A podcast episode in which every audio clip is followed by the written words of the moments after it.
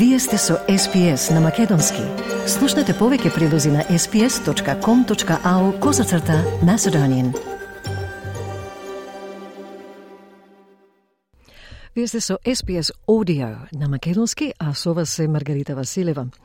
Социјалните медиуми се во центарот на толку многу животи како место за споделување информации за нашите животи. Но дезинформациите на социјалните мрежи долго време ги загрижуваат властите – Како што известува Адриана Уейнсток за SBS News, има ново законодавство кое се обидува да ја подобри способноста на властите да направат нешто во врска со тоа. Социјалните медиуми се местото каде што луѓето доаѓаат да се изразат и да споделат приказни за нивниот живот. Но тоа е исто така место каде што се стравуваат дека може да се циркулираат погрешни информации за низа прашања. Алес Джури е вршител на должноста правен директор во Правниот центар за човекови права и вели дека дезинформациите постојат од секогаш, онолку долго колку што постојат луѓето. Традиционалните медиумски компании се држат до висок стандард на вистината, многу повисок стандард на вистина на кој компаниите за социјалните медиуми едноставно не се подложени. Така, ширењето на дезинформации во оваа нова ера на социјалните медиуми е зголемено на астрономско ниво. Misinformation has been around forever, since, for as long as humans have been around, but at the end of the day, traditional media companies are held to a higher standard of truth, not a high enough standard necessarily, but a much higher standard of truth that social media companies simply are not subjected to. So the spread of disinformation and misinformation in this new era of social media has absolutely you know, increased on an astronomical level, and now we're really seeing disinformation spreading like wildfire. Во Австралија, еден од тие регулатори е Австралиската управа за комуникации и медиуми, ЕКМА. Незиниот извештај од март 2022 година покажа дека 82% од австралиците доживеале дезинформации за COVID-19 во 18 месеци пред неговото истражување и дека лажните информации најверојатно се среќаваат и на Facebook и Twitter. Но Алас Друри вели дека моментално нема регулатива за борба против овие дезинформации на интернет. There are effectively no laws with respect to regulating disinformation online at the moment. There is a code of conduct that the uh, tech companies have written themselves. that's very broad, really ineffectual, effect that really does nothing. Um, and so it's about we're long overdue in Australia for a regulator to step in. Федералната влада се надева дека ќе го промени тоа со нов предлог закон наречен амандман на законодавството за комуникации. Според законската регулатива, ЕКМА Australian Communications and Media Authority, Австралиската управа за комуникации и медиуми нема да има овластување да бара одстранување на одредени објави, ниту ќе има улога во одредувањето на она што се смета за вистинито но ке може да бара податоци специфични за Австралија за тоа што прават платформите за да се справат со дезинформациите и ке има резервни овластувања да побара од играчите во индустријата нов кодекс на пракса на платформите на социјалните медиуми.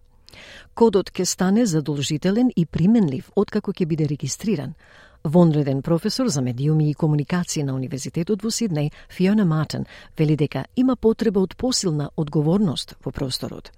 Таа вели, многу дезинформации не се насочени кон некоја личност, тие се дизајнирани како пропаганда за да влијаат на тоа како луѓето размислуваат.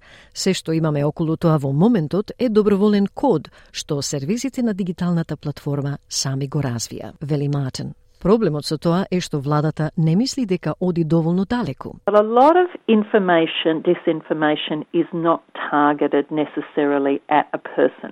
So It's designed really as propaganda to influence how people think. All we have around that at the moment is a voluntary code that the uh, digital platform services have developed themselves. The problem with that is that the government doesn't think that it goes far enough. Опозицијата повика новиот предлог закон да биде искинат, при што портпаролот за комуникација на опозицијата Дейвид Колман тврди дека тоа ќе потисне легитимната слобода на говор во Австралија. Колман вели дека компаниите за социјални медиуми на крајот ќе ги самоцензурираат легитимните ставови за да се избегне ризикот од огромни казни. Фиона Мартен исто така смета дека е потребна предпазливост во случај да има ненамерни последици за легитимна политичка дискусија. Таа смета дека тоа е почеток и дека мора да се внимава со регулацијата на говорот за да не се дојде до ограничување на политичкиот говор. Мартин вели потребно е да се слушнат различните политички партии што тие кажуваат за референдумот и да има силна дебата. I think it's a start. I don't think it's enough. You see, we've got to be very cautious because one of the things with speech regulation that we don't want is restriction of political speech. Right? We need to be able to hear what different political parties are saying, say, about the referendum, and to have a robust debate. Но заменик председателот за маркетинг на Универзитетот во Западна Австралија, Пол Харриген, вели дека загриженоста за слободата на говорот во голема мера не е валидна. Тој вели дека поголемата загриженост е влијанието што дезинформациите може да го имаат врз обштеството како целина. Uh, I don't think freedom of speech is necessarily the priority, and I'm not sure that that is under threat.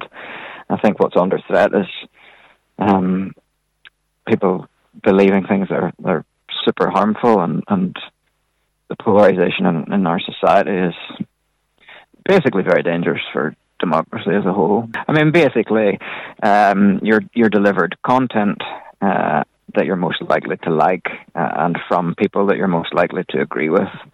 All you hear is, is reinforcement of what you already believe, and if you believe something that isn't true, that that's not only not going to be corrected, but it's going to be reinforced by more and more information saying that, and more and more people, your peers, that uh, agree with that. So it's really, really dangerous.